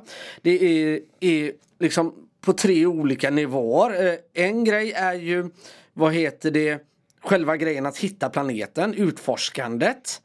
Eh, En annan grej är ju, vad heter det, Michael Caine då, så hans karaktär heter, jag måste ta fram det för jag blir galen på det annars. Eh, Professor Brand är det ju. Eh, han håller på att lösa en ekvation eh, som löser eh, problemet med gravitation. Vilket gör att du kommer kunna eh, använda maskhål och resa och därmed också även skicka befolkning då till olika galaxer eller någonstans ute i, i yttre rymden. Men framförallt den starkaste plotten och det är ju egentligen relationen mellan far och dotter. eh, Mellan då Cooper och Murph som de heter i den här filmen. Det är ju liksom, det är ju tre plottarna egentligen i hela filmen. Ja. Eh, Men när du reser på det här viset då har du ett problem då och det vet ju Matthew McConaughey eh, eh, Cooper om att när jag gör detta så beter sig tiden annorlunda. Vilket gör att Matthew McConaughey han åldras inte speciellt mycket. Ska vi säga Cooper istället så Ska vi säga slipper vi Cooper? Matthew McConaughey. Ja, vi vi säger gör det. Cooper så vet alla. Eh, Cooper då, han brottas ju hela tiden med tanken om att han liksom missar sin dotters liv så han vill ju göra detta uppdraget, komma tillbaka så snabbt som möjligt. Han ger ju henne ett löfte innan han åker att Ja. säga när jag kommer tillbaka då Ja. kommer du och jag vara lika gamla. Ja. Och det är ju för att när han är där uppe så står hans tid still medans på jorden så kan det gå 30 år. Ja, så sen när han kommer tillbaka då kan dotter vara lika gammal som Cooper är Mm. så att säga. Ja. Precis. Och där har vi ju egentligen the main plot Ja. eh, eh, på allt detta och vi behöver liksom inte fördjupa oss i mer i handling än så. Mer än att eh, den är så jädra imponerande den här filmen i så många olika lager så att jag tror jag svimmar. Jag glömde av hur jävla bra denna filmen är. Jag har ju aldrig sett den här innan. Jag Nej. trodde det. Och vet du vad det värsta var? Jag hade satt ett betyg på den på min IMDB-lista. Oj, okej. Eh, men hade aldrig sett den. Jag kände inte igen en bildruta knappt i början. Nej. Jag tror inte ens att jag har sett första tio minuterna av den. Jag vet inte varför. Oj. Jag har bara bestämt mig för att jag tyckte nog inte det här är bra. Och så satte jag en sexa på den. Ja, jag vet faktiskt inte. Det är helt orimligt. Ja. Någonting som förvånade mig nu när jag ser den. Det är Mm. ju när de kommer upp till eh, den andra planeten. Är det ju den första planeten de landar på. Ja, Då är- vattenplaneten. vattenplaneten. Då är det ju så här att en, va, när de är en timme på den här planeten så går det sju, år nere på jordelivet. De fastnar ju på den här vattenplaneten för det har ju bara blivit vågor på den här planeten. Eh, och när de då kommer tillbaka till skeppet, de har ju med en tredje kille. Eller ja, ja. vi behöver inte säga allt för mycket. De har ju med en tredje kille som öppnar dörrarna och säger jag trodde aldrig ni skulle komma tillbaka. Och då säger de eh, hur länge var vi borta? I 23 år. Då har han suttit på skeppet i 23 år medans för dem har det ju bara gått ett par timmar liksom. Ja exakt. Och visste du det? En liten sån här Easter egg. När de åker in för landning så ser man en liten vit prick. Och då ser man vraket ifrån skeppet som den första forskaren som Okej. kom. Där. Och på den planeten så kom den forskaren bara några timmar innan de kom. Ja, för det säger de ju Ja. också. Hon dog ju bara några minuter innan vi eh, ja, kom dit, Ja. ungefär sådär. Och det finns så mycket små gömda grejer i detta just på den planeten. Kul, när du säger det. Eh, I, om man lyssnar på, tänkte på det när man ser filmen. Så är det bing, bing, ett litet pling. Medan de är på planeten. Det är det. Mm. Det representerar ett år där uppe hela tiden. Jaha. Det är det det pinget är. Oh fan, snyggt. Ja, och eh, Ja, det visste jag inte, men jag hörde plinget. Ja. Men jag tänkte, ja det är väl bara deras rymdfarkost eller ja, någonting. ja, det är Sa jag precis rymdfarkost? Det gjorde du. Jag tyckte om när jag sa det. Ja. Christian 10 kom tillbaka. Jag hoppar in i min rymdfarkost och drar. ja, man kallar det väl Nej, så det är kapsel där då- egentligen. ja, Ja, exakt. Så, så då... Ja, eh, men dit jag ville komma i alla fall, det är jäkligt snyggt gjort där och han har ju verkligen åldrats den här eh, tredje mannen som är eh, på den här. Men han är så fin med det och det gillar jag. Så här, ja, det har gått 23 år, jag trodde aldrig den skulle komma tillbaka. Bla, bla, bla. och han vet, för han vet ju om förutsättningarna. Det är ju Precis. lite sådär det Ja. handlar om. Men sen så kommer de ju då till den andra planeten Ja. och hittar den här forskaren. Eller de väx, väcker upp honom från hans, vad säger man, ultrasum? Hypothermia. Nej, inte hypothermia. Det heter ju Hypersum, liksom. cryo sleep. Ja, precis. Ja. Och det är Matt Damon. Ja, den kommer in från vänster. Det är lite coolt. Det har inte stått någonstans. Nu Nej. spoilade jag det för de som inte har sett Interstellar. Men det här är, vi spoilar saker här. Man kanske skulle sett filmerna innan vi pratar om dem. Och så gör vi i varje avsnitt. Mm. Ja. Men det tog en stund för de väcker upp han från vatten. Alltså han har Ja. ju legat i en sopsäck eller vad säger man? Ja, men En, eh, liksom en vattenkista. Precis, så när han kommer upp så säger vad likt det var Matt Damon. Ja. Nej men det är Matt Damon. Och Ja. sådär. Och hela den här planeten, för där går de ju i land. Mm. Hela den, här behöver jag inte spoila det, vi kan bara låta det vara för du fattar vad jag menar. Det tyckte jag så mycket om. Hela den här, hur det avslutas med hela den här grejen, det tyckte jag var skitbra. Mm. Ja. Fan vad jag tyckte om den Eftersom filmen är så lång, detta kommer rätt sent in, en och en halv, en och fyrtio in. Och där hände något för mig liksom. Ja. Fan vad det blev snyggt. Ja, och det är det jag tycker. Det, det är intressant att du säger det för att eh, du- jag älskar ju det här med rymden och bla bla bla bla. Sånt här. Jag tycker det är otroligt härligt. Eller kul att se. Men den har också sådana lager där för det är jävligt lätt att fastna eh, i samma grej men den, den filmen tar dig någonstans hela tiden. Hänger du med? Ja. Du får hänga med på en ganska lång tidslinje så att det faktiskt händer någonting. Så efter en och en halv timme då blir det någonting och efter en timme så blir det någonting. Och att det inte blir långtradigt på något vis Nej. utan den håller sig själv levande och i, i form av Först och främst att det börjar med de här ledtrådarna. Det hamnar på NASA. Sen åker de upp i, i rymdfarkosten. De åker till, ja, Du sa det också, Ja, jag sa vad jag gillar det. Och de eh, hittar planeten. De åker till nästa planet och de ställs för ett nytt problem. Alltså så den, den liksom bara matar på med nya grejer. Och Mm. det älskar jag i en film som är tre timmar närmare. Ja. Ja, nästan tre timmar. Eh, och det som gör filmen så jädra bra tycker jag också och det är lite så här bakgrundsfakta. Det är att man samarbetade med fysikern Kip Thorne när man gjorde den här filmen. Det är alltså en fysiker som har vunnit Nobelpris och alltihopa. När man utformar hur, se, hur skulle en, en maskhål kunna se ut? Hur ser ett svart hål ut? Ditten och datten. Så att det är väldigt, väldigt mycket riktig fakta som är med. Det är inte bara hittepå för skärmen. Nej. Och det gillar jag. Och att de inte heller De förklarar på ett rätt snidigt sätt Mm. men ändå inte dum. Alltså de fördummer dig inte som att du är helt korkad. Nej. Utan du får fatta det här. För det var många gånger jag läste saker och jag antar att du fattar. Jag Mm. fattar inte men du är mycket duktigare på rymd och intresserad utav det här.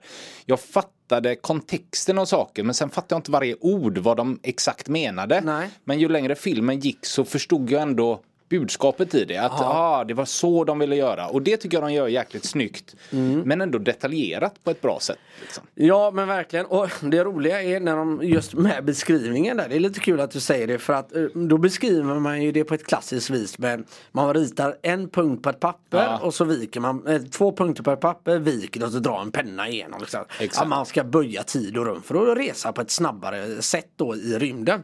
Det är faktiskt eh, taget ur, och det man har ju gjort det flera gånger, men det är taget eh, ifrån Event Horizon som vi pra- pratade i förra avsnittet. Aha. Den gamla skräckfilmen från 97. Ja, ja, ja. Mm. Och även eh, maskhålet förresten är också referens till filmen 2001 Space Odyssey. Ja.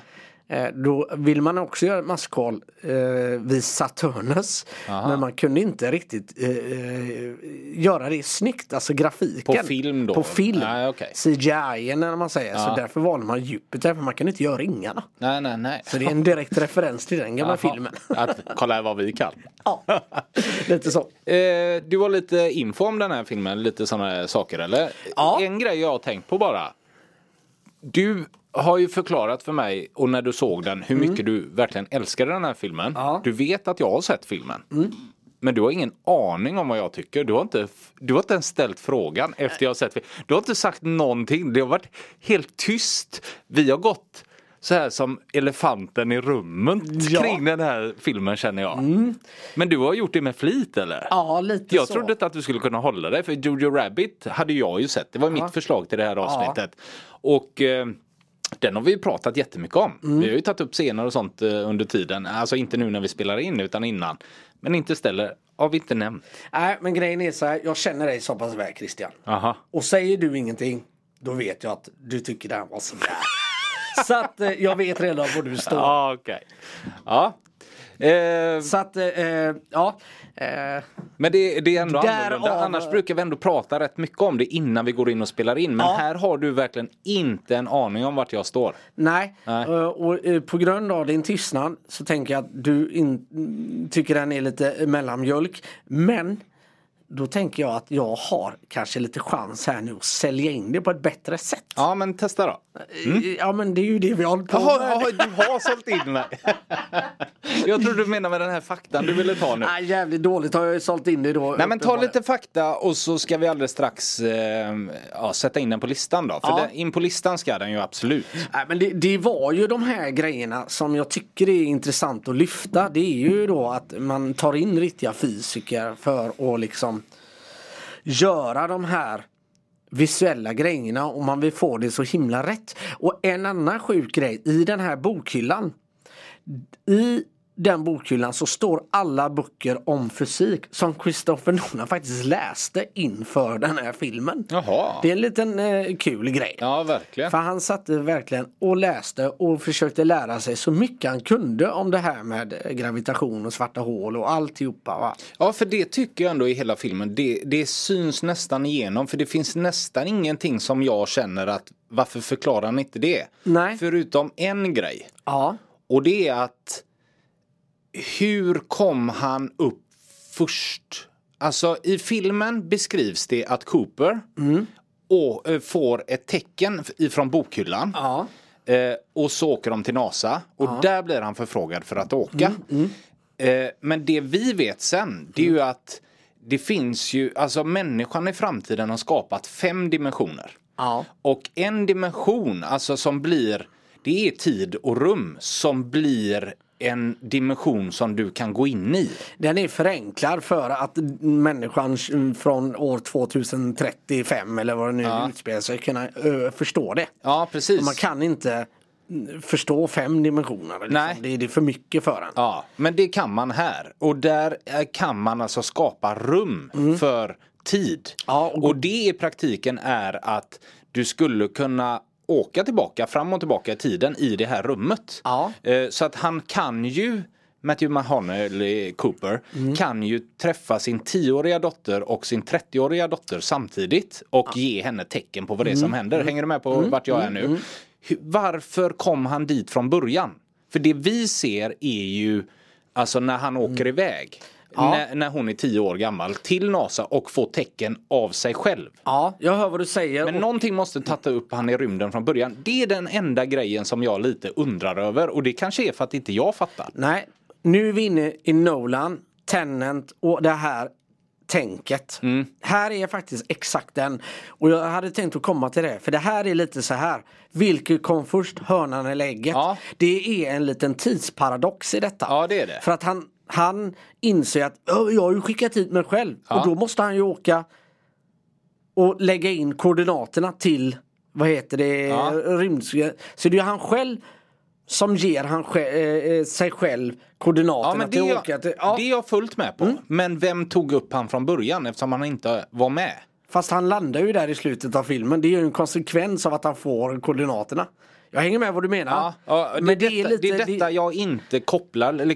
Men, och det gör mig ingenting. Nej, jag och det behöver- är ju en tidsparadox. Ja. Och det är liksom, vad kom först, hönan eller ägget? Ja, Vem, Okej. Vi vet ju inte. Nej. Det kanske var den andra dimensionen, eller några andra, som verkligen gav koordinaterna första gången.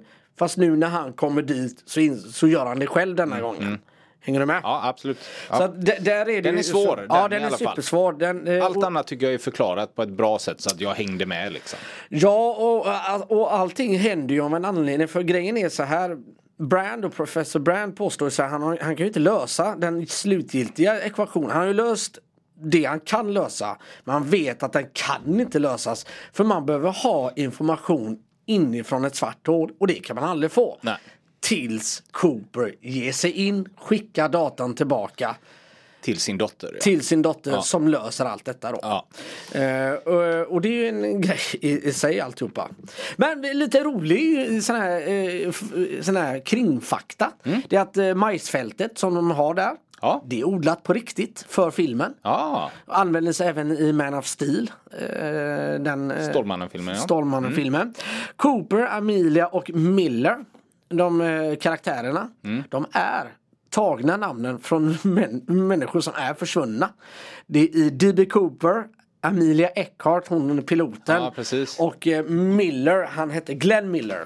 Jag kommer inte ihåg var han försvann någonstans. Men det är i alla fall karaktärer som har försvunnit. Jaha, ja, coolt. Så det fanns liksom en liten eh, sån här eh, eh, tanke bakom Ja, det. ja, man har inte bara tagit namn utan man, Nej. man har haft en liten tanke på hur man valde namnen. Ja, precis. snyggt. eh, inför filmen så eh, hade både Christopher Nolan och Matthew McConaughey eh, förutfattade meningar om varandra. Jaha. Där Matthew då tyckte att, kände så här Shit, nu ska jag göra en film med Nolan. Mm. Han kommer vara så jävla nitisk, noga, punkt till pricka. Allt ska gå enligt så som det är Ja, skrivit. ett schema liksom. Ja, och vad heter det? Eh, Nolan tänkte om Matthew att han kommer att vara layback. Det är, han kommer säkert komma bakis. Och, det är väl så här. Och det visar sig när de lär känna varandra att det är tvärtom. Nolan tyckte att boken måste få vara öppen. Vi måste kunna känna på situationen. Det är det som står, det är inte skrivet i sten. Och Matthew McConaughey var otroligt noggrann och förberedde sin roll nitiskt. Okej. Så de hade lite fel om varandra där inför den här filmen. Men det blev bra till slut ändå. Ja. Som tur är. Ja. Du, jag vill avsluta det. Ja. För eh, det finns det där med Generation X, Generation Z och Ja, precis. Millenniums. Donald som spelas av John Lithgow. Han, Han var bra han är i den här så filmen. jävla bra. Vet du vad han är?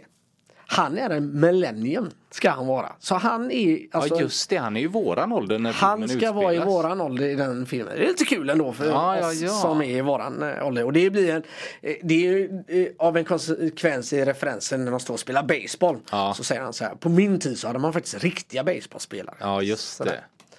Och då är det liksom millennium. Lite kul Easter egg. Så. Ja. så får man en liten hum om vad man är i tiden Vart den också. utspelar sig ja. Mm, ja. Lite så. Ja, det var snyggt. Ja. Ehm, ja, vart tar vi vägen? Den ska vi in på listan såklart. Vi ska inte bli allt för långrandiga mer i detta avsnittet. Men eh, Nej, ska du eller jag börja? ja, men du får väl börja då i och med att jag vet att det här inte kommer bli bra överhuvudtaget känner jag. Ska vi börja där? Vad tror du att jag tror eller tycker? Men jag tror inte du tycker den är fullständigt skräp. Absolut inte. Det vill jag inte påstå. Nu har jag ju tappat bort listan här av någon förundlig anledning. Så att jag ska bara försöka få fram och hitta den igen Christian. Ja, jag har den annars framför mig så att Ja. vi kan ta den. Men jag tror, eh, jag tror inte du tycker den är bättre än Tenant om jag ska vara ärlig. Nej okej, så du tror att jag lägger den runt 23-24 där någonstans? Och att Tenet var en bättre film? Ja, jag ska, eh, ja faktiskt. Du kommer ju inte tycka den är bättre än dina hjärtebarn Truman Show och Pulp Fiction och, och de här grejerna. Det har jag ju svårt att tro. Definitivt inte Jojo Rabbit. Nej men jag tror ändå att du kan tänka dig att lägga den någonstans emellan Lejonkungen och Catch Me If You Can. Runt eh, plats 16. Att den, in, att den är bättre än Tenet då? Ja, det just det. Det blir den då ja. Ja, exakt. Jag kommer ihåg listan fel nu. Jag fick upp den precis. Här. Ja, okej. Ehm, du har läst mig helt fel, eh, Eriksson. Är det så? Ja, det har du verkligen. Okej, För att vad kul. nu ska du få höra. Och nu kan du rysa, Ja. tror jag. Alltså, detta är den första film jag har sett efter Truman Show som jag har samma känsla som Truman Show. Eh, och med det menar jag Nu så här. reste sig nackhåret. Ja, för det är så här. Truman Show, jag köper att alla inte tycker om den. Mm. Men den är så oerhört speciell. Och det är en känsla jag har i hela den filmen som Mm. är så speciell. Jag kan inte säga så här, ja men han lever i en tv-show och allting är så otroligt bra Mm. och den scenen är rolig, den är där. Utan det är den känslan jag har när jag ser filmen. Ja. Jag får lite den känslan ibland i Jojo Rabbit också, framförallt Mm. i slutet. Där jag känner, ah, så här, det är någonting. Och känner man inte den känslan så fattar man inte vad det är man menar när man säger och såg du den scenen eller sådär. Och det har man ju fattat att alla inte känner. Inte ställer, när jag såg denna nu, jag har svårt för filmer som är närmare tre timmar. Inte en enda gång under den filmen kände jag att den var tre timmar. Nej. Jag bara hängde med. Jag ville aldrig att den skulle ta slut. Och när filmen var slut. Alltså jag var helt upprymd. Jag var så här, vad har jag precis fått uppleva? Alltså, jag tyckte den var så fruktansvärt jävla bra. Alltså det är sånt mästerverk. Så att Gött. jag, Vi är jag, på samma Ja, plan. jag var så här. vad fan har jag precis fått uppleva? Ja. Alltså den här far och dotter-grejen, det kan stärkas mycket av att jag har en dotter själv. Ja det är klart att det gör. Men det för mig i alla fall. som jag grät! alltså gör. fyra gånger i filmen. Ja. Första gången när meddelandet kommer, när han åker eh, första gången. Sen Mm. när meddelandet kommer. Eh, sen när hon, eh, du vet, när hon fyller år. När han kommer tillbaka och hon är typ nästan död. Att hon är 50 år äldre än honom. Alltså och hela hennes jobb. Är inte det en av de starkaste scenerna när man säger bara nej, vänd, ni får inte skiljas som ovänner. Ja. Då stod jag upp första gången Ja. och när jag såg detta. Och, detta är de första 20 minuterna. Jo, och när han är bakom eh, bokhyllan och Ja. ser henne och skriker till sig själv att åk inte. Alltså, eh, jag börjar nästan gråta nu när jag berättar. Nej, alltså detta var en sån känslostorm för mig utan dess like. Jag har, s- ja det är sen Truman Show. Ja. Och det är just den här känslan. Det är första filmen efter Truman Show som jag ens har kommit i närheten av samma känsla. Så det här är, detta gick rätt upp på min topp 5-lista, min privata topp 5-lista. Oj ja, Rätt upp. kul att höra. Men jag, jag är inte så noga med att jag ska se den igen. Nej. För nu har jag sett den. Jag vet allt vad som händer och den är en första gång film. Du behöver se, när, för att få in alla känslor första gången. Att se den andra gången tror jag att, ja men då vet du mycket grejer.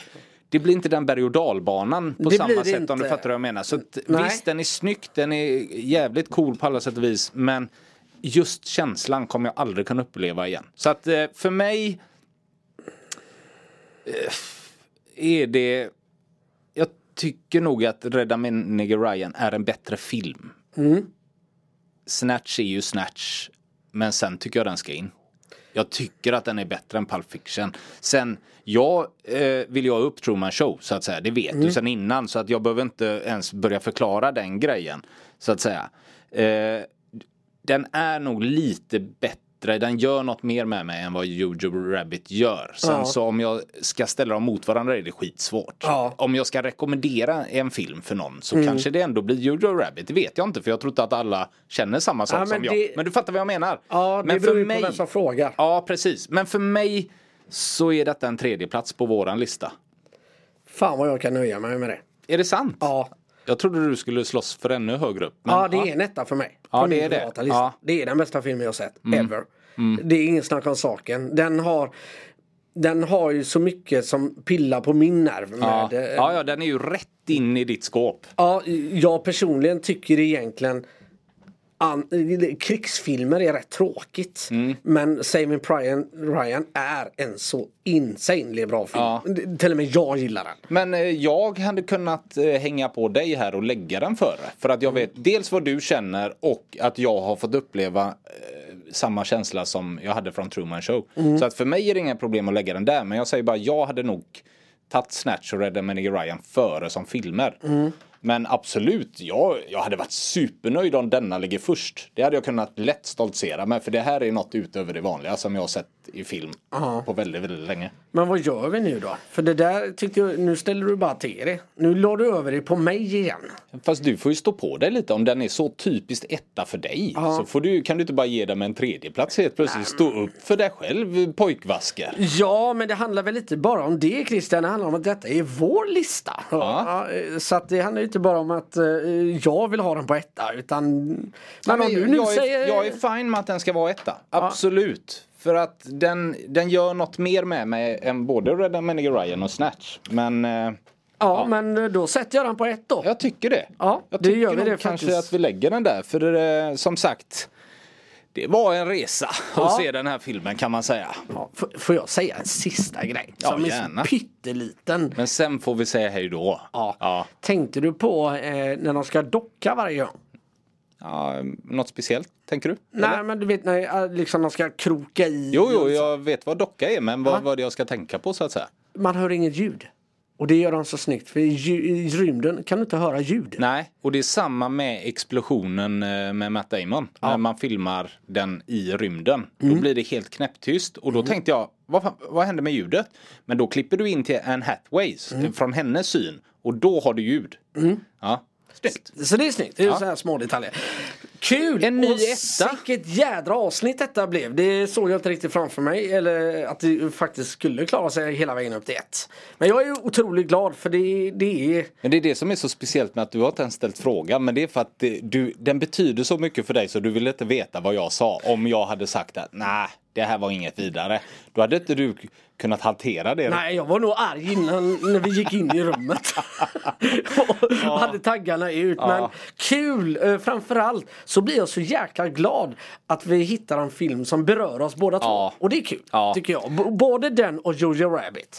Så idag har vi verkligen skuttat hand i hand. Mm. Ja det kan man verkligen säga. Idag är vi kompisar. Men Ja. jag tycker faktiskt att alla filmer är väl värda att se på sitt sätt. Barbie är man ska ha sett den. Ja. Det är en no-brainer film. Den ska du se och du ska ta till dig vad det är den vill förmedla. Ja. Conair ska du se för att det är fräck action. Jojo Rabbit för det den gör i humorn och allting och inte ställer för känslan. Så eh, sammanfattar jag det här avsnittet. Ah, snyggt gjort, jag kan inte sagt det bättre själv. Hej då! Hej hej!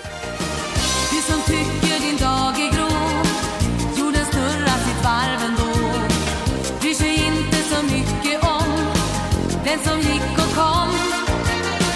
Snart så skiner